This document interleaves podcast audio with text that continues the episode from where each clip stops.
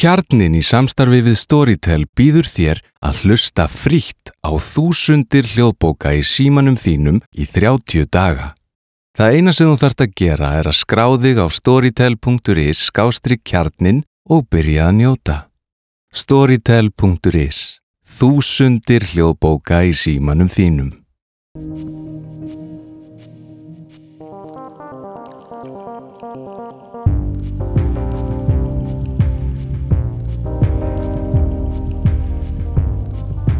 Góðan dag, kæru hlustendur og verið velkomin í klikkið. Að þessu sinni munum við sína ykkur frá viðtali sem við tókum við Daniel Fischer. Okay, welcome, welcome Daniel Fisher. Uh, we are so happy to have you here. Happy to be here. Happy to be back. Yeah, absolutely. We Feels like a homecoming. we have been so lucky to have you supporting Hugarafl and uh, the ideology that you have shared with us has been really helpful Mm. and, and has been uh, a big part in many of our lives. Mm. It's so heartwarming to hear. But I wonder now that we have this podcast and the opportunity to really talk about anything and everything, what would you like to What's talk about? What's most on my mind right Yes. now? What's most on my heart right now? yeah. Um, well, welcome Iceland. um, I love being here. Um, I love I love the people that I meet and that I know here. This is, I guess, I've been coming here on and off for ten years. Mhm.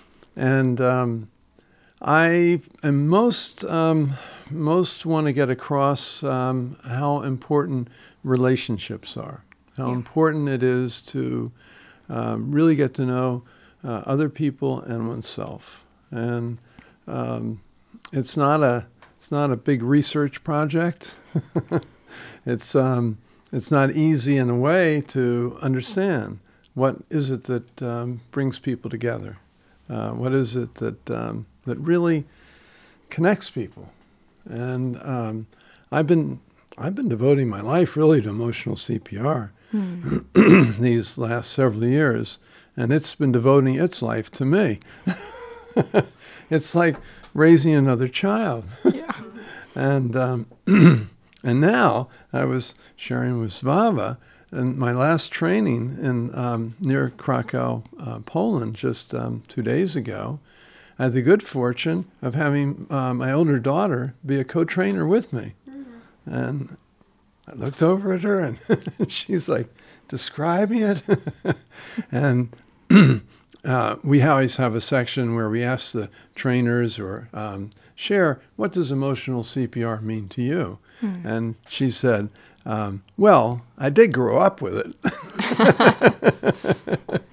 and she said it was a little hard at times seeing my father cry. That was a little bit hard. I was Mm. embarrassed sometimes, but she said, "Now I understand." Yeah. and um, she lives in Berlin, so it's convenient uh, for her to um, uh, help spread it through Europe. But I, it was a magical time um, in Poland, and it has been several times. And um, I was sharing earlier here um, the suffering uh, that people go through brings us together Absolutely. and um, the hunger that people have for um, connecting, especially if people have been through suffering, um, and that's that's those are the people that are the most motivated to learn and embrace emotional CPR. Is really people that have um, suffered either psychologically or socially or through individual or mass traumas. Um, and they asked me in Poland a hard question right near the end. We were summarizing, you know, how did this go? And people were just universally positive and embracing of this. We had to push people away who wanted to come to the training. No, no, we don't have space for any more. um, but uh, so one of the organizers said, because I said, "Wow, there's such an ex- excitement about this here," and um, in the in the more developed countries or more industrially developed countries, there's interest, but it's mostly among people lived experience. Mm. Because I've been in Netherlands, and I don't want to compare countries. It's, I love the Netherlands; it's very very highly developed. But they were, it was mostly the people lived experience that were the most interested Yeah. in emotional CPR. So they asked, this woman asked me, she said, why do you think, why do you think you're in Poland?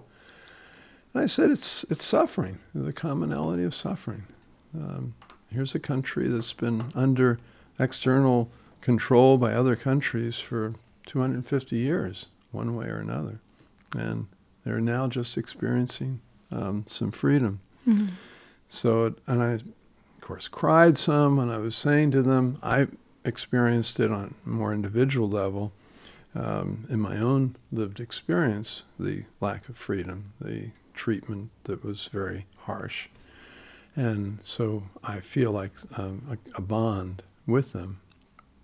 But my daughter later said, I want to give you some feedback. That's interesting. I know. she said, "You you could have, you know, talked about um, the circumstances of capitalism in the United States Mm. and the oppression of having a, a gendered role as a male in the United States. You could have talked about that." I said, "I'm in a Catholic country. you think they'd understand about gendered roles and heteronormative cis male that I am?" she's she's um, I mean I love my daughters both of them but they're they're like um, what do they call them campaigners Mm. for um, you know liberation from um, from gender liberation from I guess that's what I would call Yeah. the, their identification and um, I said you know you just I think you have to sort of sense the pace at which you can bring in change Yeah. but anyway, it was it was it was interesting her her reaction. But it's also curious that uh, maybe your progressive uh, steps that you have taken when raising them, they are taking it another, Another level. Yeah. You're right. I know my uh, my younger daughter. Uh, she lives in Los Angeles, and um, hope she doesn't mind me talking about her. I don't think she does. She um, she said, uh, I, I'm, they, I mean, they both are pretty open about their identification as queer, and um, both my wife and I we consider ourselves liberal, yeah, but you know, hmm, queer. so I asked my younger daughter one time. I said, just just clue me in a little bit. That was not a positive term while I was growing up.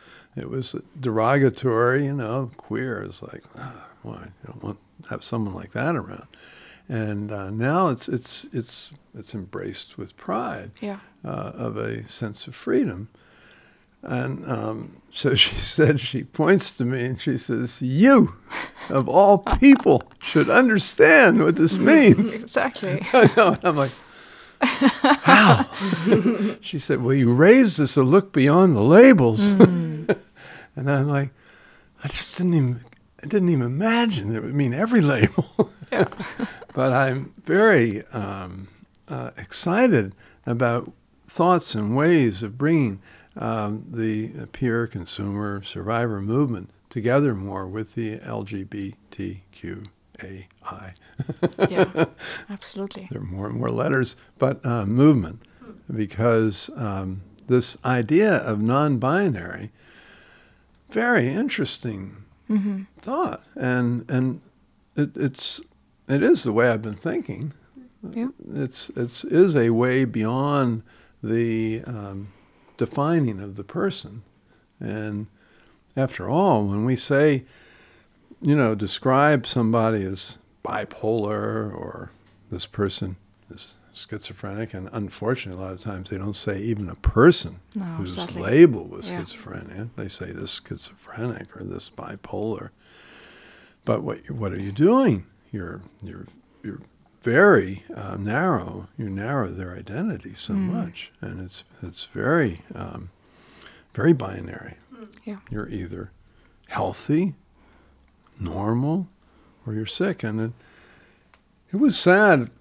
And I one of the allies in um, a professional, a psychiatrist in Poland, um, who was very supportive in many ways. I heard later she also defines people still functional, non-functional. And we are all just individuals. Yeah. And with different strengths and uh, ideas and dreams, Yeah. we need to kind of set aside this yeah. labeling Labeling. It's terrible. putting people in boxes. And I think I think underlying it is, and this is really hard to understand or describe or under, I don't know, or really put it into words, is the valuing of our society for a particular way of thinking, Mm. um, which is binary. It's binary thinking. It's it's um, it's yes, no, you know, uh, linear, A to B to C, and it's great for building buildings and you know Computers, computers love zero or one. yeah right yeah. um, terrible as far as people and uh, terrible as far as emotions Mhm. understanding emotions um, and each of us have a life task i feel of integrating all that we have been all that we dream of all of who we are. It's a, it's a constant daily task. And um, and yet the tools that we're given to do it are very limited um, types of languages. And um, English might have some possibilities that some other languages don't have. Mhm. Um, for instance, in Japan, they feel there. There's some people who lived experience there that feel that the Japanese language makes it especially hard to define peer. Oh. They have no concept that two people could be of equal status. Mm. And they, for instance, I always like to introduce myself as Dan. And in some countries, also in Europe, doctor is like in Poland, they're kind of Mhm. formal and they're like, well, we want to call you doctor. so, well, you could, but I prefer Dan. Yeah. And they're, oh, you're so American. All this informality. but in Japan, it was really striking. I wasn't just Dr. Fisher, I was Dr. Fisher's son. hmm You heard of that Yeah. son? It's like it's like Sir Sir Galahad or something. Yeah, Very respectful. yeah. And I mean, Yeah. of course, as a older person, I like the respect they show. but it this this question of equality um, is so important. I feel uh, in terms of uh, emotions and emotional connecting Mm. and that um, it's it's it's a way of thinking. So you don't value, you know, um, I don't know what what would you say, higher functioning thinking. Ah, what's higher functioning thinking? It's like that. Then an artist, you know, is is devalued, or a musician is devalued. Yeah. Um, these are very high order ways of, you know, of, of integrating and, and producing. And um, I guess since both my daughters now identify as artists, I'm very, very much wanting to support the arts. Mhm. Um, my younger daughter is a, a new genre. She says she works with, ob- makes objects and and displays them in different arrangements and and now my older daughter is is identifying and performing as a dancer. So it's like these should be valued, hmm but they're kind of seen within the mental health arena as subsidiary, you know, like art therapy. No, how about just art? Yeah. Dance therapy? No. How about just dancing? And it's expression. expression. Yeah. That's right. Yeah. So and it's it's a way in the expression to really not just discover yourself, but construct yourself. That's what I think we need is more opportunity for Healing. healing. And the healing is from building a new sense of self Hmm. And a new story. Yeah. Yeah. Yeah, I had a I was in the Netherlands also. Just prior to um, to being in Poland, I did two trainings in the Netherlands, which I love being in the Netherlands. I was telling Svava because they bicycle everywhere safely. and um, yeah, I uh, so I was in um, doing this training, and there was a wonderful, supportive um, uh, psychiatric nurse who was taking the training. And about halfway through, she went, "Ah, oh my gosh, what you're describing as an approach is completely different than everything that I've learned. I don't know what I'm going to do when I go back. I've been taught and I've been always constructing people's narrative and their story. And and you're saying that's not what comes first. The the emotions come first and the story comes second. And she was in such anguish. Yeah. And I, I felt so bad for her. I'm like, "Oh, I'm sorry. And I don't want to have you feel that everything you've been doing and what you've been taught is wrong. But it's, uh, it's not the best. and well, it's a, a very strong uh, indicator that she was willing to go there. She was. She was very open. Yeah. Yeah. And and it was interesting. One of the people lived experience it, and so we did two trainings. First training was half and half. I look at the ratio within a training. I do 20 people in emotional CPR. We call them participants. Then we have two facilitators or trainers, and um, and I look at the ratio of people lived experience to people to professionals often, and my in my mind when it gets above um, above one third professionals, it the shift in uh, the shift in culture is very pronounced, and it's harder for the people lived experience to speak up when they're surrounded by professionals who identify as primarily professionals. I mean, I'm I do have psychiatric training, but I identify first and foremost as a person with lived experience who happens to be a psychiatrist. Yeah. Not a psychiatrist who happens to have had this history. This is an important distinction. it is, yeah. And- And you you must Yeah. face that yourself because you've had both. And it's interesting that uh, it's easier to get your voice across if you have this uh, professional stamp alongside your name. Like, I, yeah, I know what I'm talking about because of Mm. this. Hmm. B- When in reality, I'm basing it off of my personal experience Yeah. first and foremost. Yeah, that's that's to me the the biggest teacher Mm. because um, I mean it took it took me a long time to accept that the it's basically six years of of um, turmoil, stress, learning, healing that I went through um, was valuable because for many years I went, oh darn, I spent six years going in and out of hospitals and being labeled um, with schizophrenia and having, you know, really feeling like ordinary reality was beyond my grasp. Somehow during that time, I actually completed medical school, but um, I was still very confused a lot of the time where my car was parked, who, you know, where my friends were. I just luckily happened to have had a skill for the academic, but I didn't have a skill yet at that point for um, establishing friendships and relationships. And I, so I, I, for many years was like, God, what a waste, six years. And, um, and then I gradually started to think that was a teaching, Yeah. a teaching experience. Definitely. Yeah, but I had to, I had to reframe it. I had to, um, I had to see it that, that that that was my education.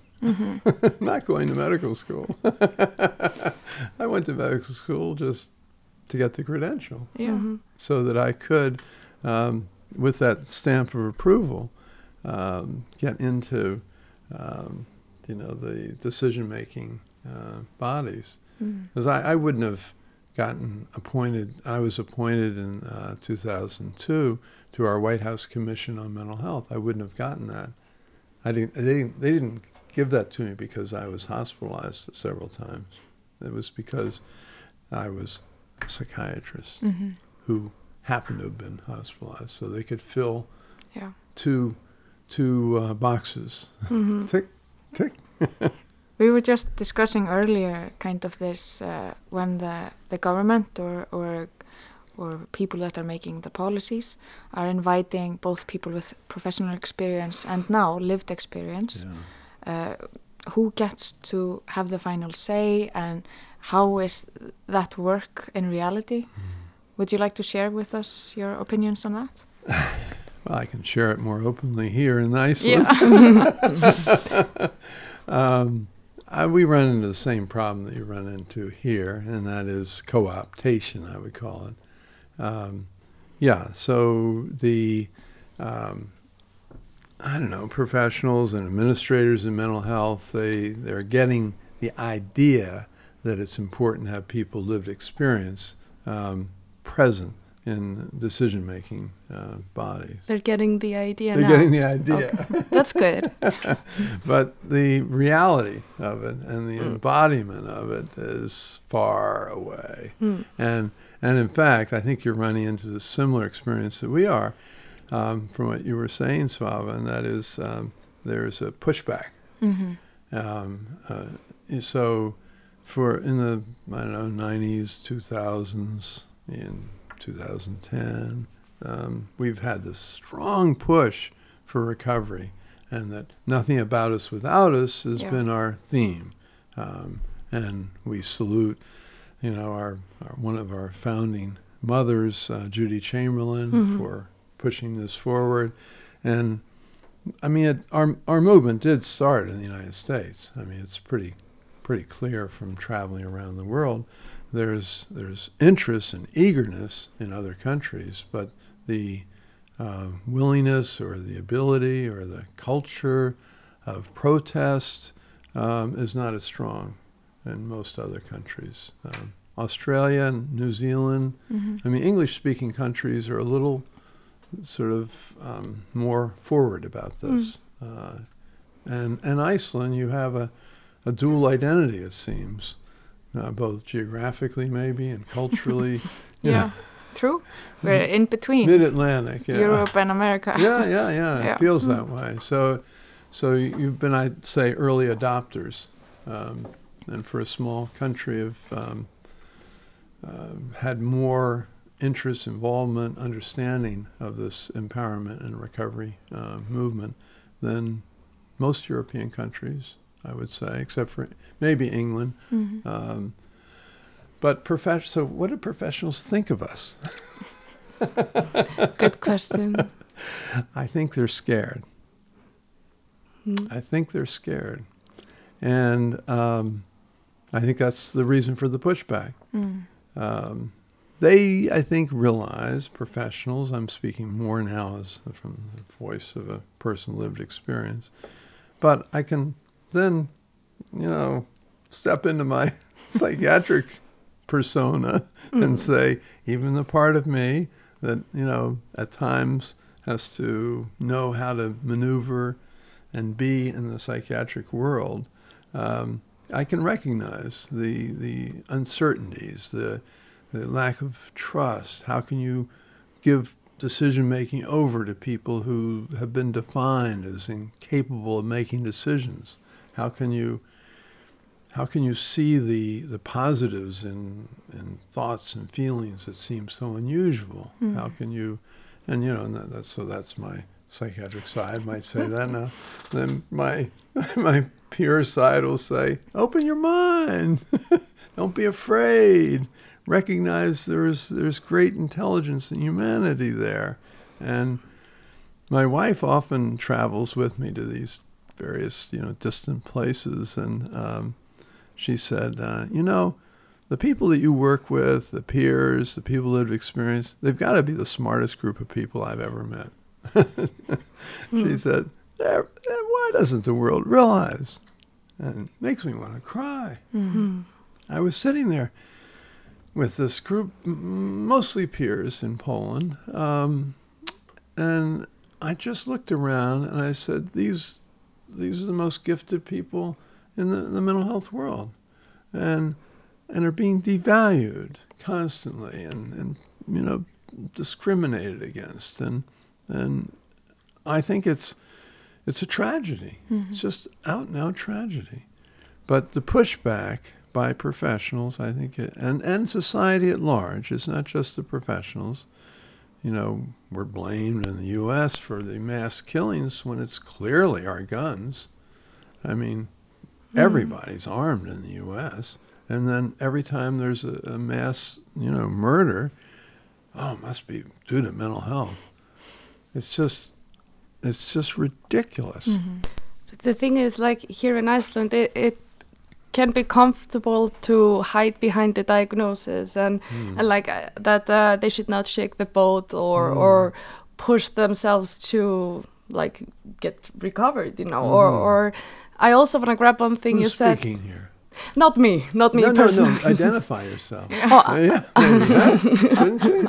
I, I'm Fiola. If I'm you a, like to. yeah, I'm, I'm a member of Hugarafl. You, you don't. I don't. I don't want to out you, but yes. just so they know, there's a. Oh, who's this voice? yeah. and also about uh, professionals uh, being afraid of, of this movement, Mm-hmm. definitely. Yeah. And another thing that I want to mention that you said about your uh, professional side, the other professional side, the doctor uh, side, that give uh, the patient their uh, voice again, is is something I want to stop at also because is it is it really about giving? No, it's not. Shouldn't be. No, the voice has to be taken. Actually, Yes. yeah. We have to speak up and and be heard, and and and sometimes with anger. Uh, Mm. Our anger is often medicated away. Mm-hmm. these medications um, dull the edge of our emotions at the very time when our emotions are what we need access to the most. Mm. Because it's, it's been shown that an edge of anger is what establishes hierarchy often. hmm Like in, in the animal kingdom, the, the animals that know how to use anger often end up being in the top position. So if you somebody gets angry and they're, they're seen as, you know, well, they shouldn't be, you know, speaking up so much, they're given medication that dulls their anger, then there's, that's almost literally taking the voice away. They are. Yeah, and I'm not sure. opposed to medication. Let me make that clear to my listening audience. Mhm. but I am opposed to the use of medication to quiet people's voice. And that's what it often is used to do, Mm. is to Mhm. quiet people down. And it's not comfortable from my psychiatric uh, point of view. from my psychiatric hat, it is uncomfortable when I have a client who speaks up and is angry, especially at me. Um, but I, I say, okay, I want to hear it. I want to hear what you're angry about. Mhm. And the anger goes down, and then their voice starts to come out. And often it's it's the quieting of somebody's voice that makes somebody angry. Mm. Yeah. Another voice. Exactly. And, and they're stepping on human rights. Yeah. It's righteous anger that comes up. yes. that, Very good uh, reason to be angry. yeah. Mhm. Yeah. Yeah. And we need to be able to voice it and say what has happened and what has my life entailed. And yes. What kind of systems are we pushed through? Yeah, yeah, yeah. I mean the, I mean it's understandable, but but get over it that the mental health system uh, doesn't want to hear that um, much of many of the procedures and uh, facilities that have been established are actually interfering with recovery. Mhm. They don't Yeah. want to hear that. Labeling, we have to label. What are we going to do if we don't label people? How are we going to chart, you know, establish them in the, the social uh, security and who gets benefits, who doesn't get benefits? A lot of it is this sort of uh, social hierarchy. Mm. Um, and there is an alternative that's been developed um, by this group of professionals and people um, lived experience. But and, and by the way, what do we call ourselves? Mm. this term, people lived experience, um, is I think an improvement over consumer, which was an improvement over mental patient or Mhm. nuts, um, which are Or crazy. they're crazy. Or 56 different terms I came up with at one point. Wow. Yeah, at least in the English language. I don't know in, in There's uh, one Icelandic. more. Expert by experience. Experts by experience. Mhm. I like that one. Or ex-ins or Survivors. survivors. Yeah. Uh, ex-inmates was the ex-in came from ex-inmates, Mm. but people don't like to say the full thing. Mm. Ex-patient was the first designation in a way of, Mhm. the, of the movement in the U.S. Um, yeah, some some of these descriptors, providers really hate the word survivor. hmm Yeah. Providers are like because they know that it's not survival of life; Yeah. it's survival of the system. So they really hate that one. Mm. But a woman in L.A. recently. She's so cool. She she like tough African American, seen it all. She said, "Lived experience. That's pretty good, but I'm still living. How about living experience?" I'm I'm a person of living experience. Yeah, it's ongoing. yeah, Yeah. it hasn't been just lived. No. So, uh, yeah, so it's even in our language. Um, and we want to find a way, I would say, of critiquing uh, the system and providing, developing alternatives that are at least, I don't know, understandable and uh, won't be immediately blocked. Mm. And one I'd like to talk about, in addition to emotional CPR, which I think is a, a great way to change the culture, not only of people who are in the system or providing services, but society at large. Yeah, Another one is um, peer run respites. Absolutely. It's really a great alternative to hospitalization. And we need these alternatives so that when someone's in distress, they don't have to immediately be institutionalized Yes. or thrown out on the street. Mm. That's that's the only two alternatives in most places. I think that's if you don't have a, a respite. So what's a peer run respite? Yes, please explain it to our listeners. I will because I love them. um, well, it, it's for many people, not for everyone. If you're, you know, if you're in risk of hospitalization, not necessarily imminently about to be hospitalized, we need other alternative for that. But if you're at risk of hospitalization, say um, you're starting to have trouble with reality, Mhm. and with let me put it this way, with the dominant culture's reality. Maybe your reality is more important to you than the dominant Mhm. reality. Maybe you're more you're just paying more attention to that that that element of reality that is usually suppressed. Mm-hmm. Emotions and symbols and archetypes and all these ways of healing at a deep level. Because I don't want to say, you know, you're out of touch with reality. You're just not not able or choosing to um, to function at that point in the day-to-day money making money linear reality. So if you're in that that sort of point of view, and maybe the television is starting to talk to you in ways that seem unusual and at at first distressing, and you don't quite understand. Like I had the, I mean, I, I went through that. I, I had the television. Actually, I was sure the Pope was talking to me Mhm. directly. And I'm not even Catholic, so how could that happen? and he had he seemed to have very important instructions for me as to what to do next. well, now I understand that I was searching for direction in my life, and I was lonely. And you know, uh, we usually get our ideas about what we might do next from the relationships and the people in our lives, and I just didn't feel I had anybody I could trust at that level. Mm-hmm. But if you're in that, that sort of um, other reality, dream like reality, dreaming while you're awake, which is another way I like to describe it, um, not having enough time when you're asleep to do the dreaming that you need to do Yeah. every night. As we all, during, when we go to sleep, um, are reconstructing our, our psyches, but we don't give credit for it. And if it, there, you need some extra time, and you Mhm. need some fearless people around you, who will go, "It's okay. You're going to get through this." I've been in that reality too, Mm-hmm. and um, but I'll, I'll be with you, and I'll be connected with you. And this is again where emotional CPR is very important to be able to connect Mm-hmm. at that nonverbal level, the uh, feelings level, so that you don't feel like you're just alone with such overpowering feelings.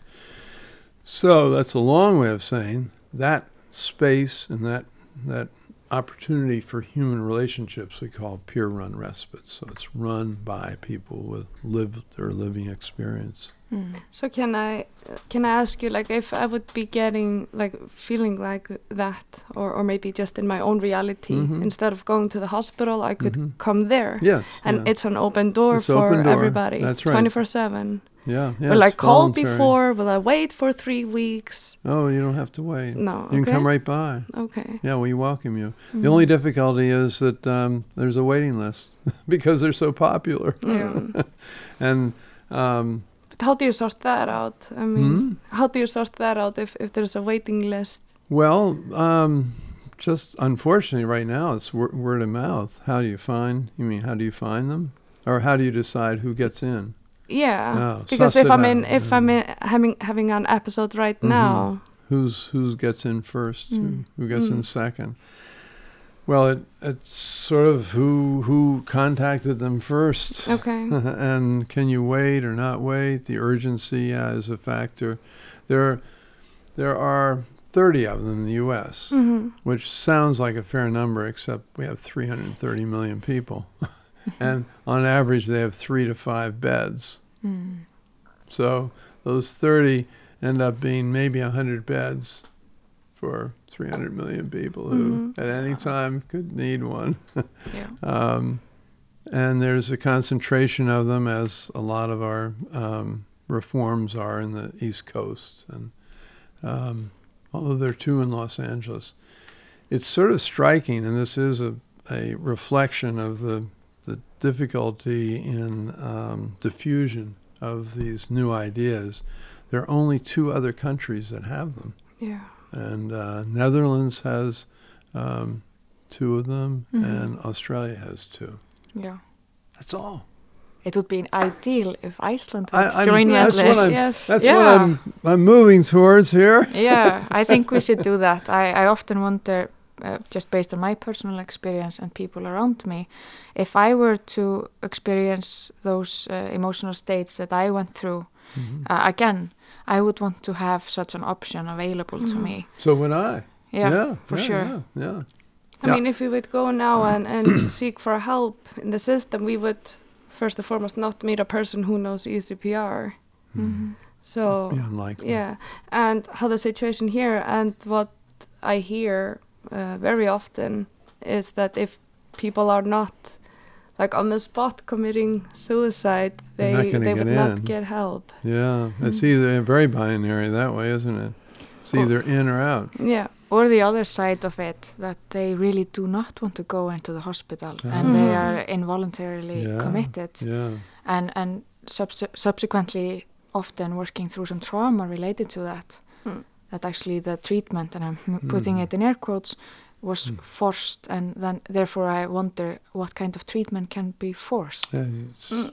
How can it be helpful? No, it's it's needs to be something the person identif- or feels drawn to. And um, the other the other thing that uh, other thing other approach that I've been promoting, although there's a lot of resistance, is open dialogue. And yeah, it's um, I think it's terrific. I got two years of training. I do it as a as a solo practitioner just because I'm not part of a, a uh, larger clinic any longer.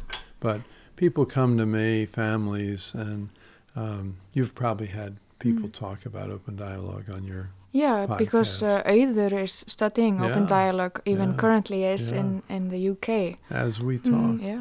So Yeah, it's no, a great it's approach. it's the closest clinical approach that I know of to the values of the peer movement, but it's still a clinical approach. Mm. So you still have clinicians, and you know, even though it's the family as a whole or network as a whole, they're still, in a way, the subject of treatment. Mm.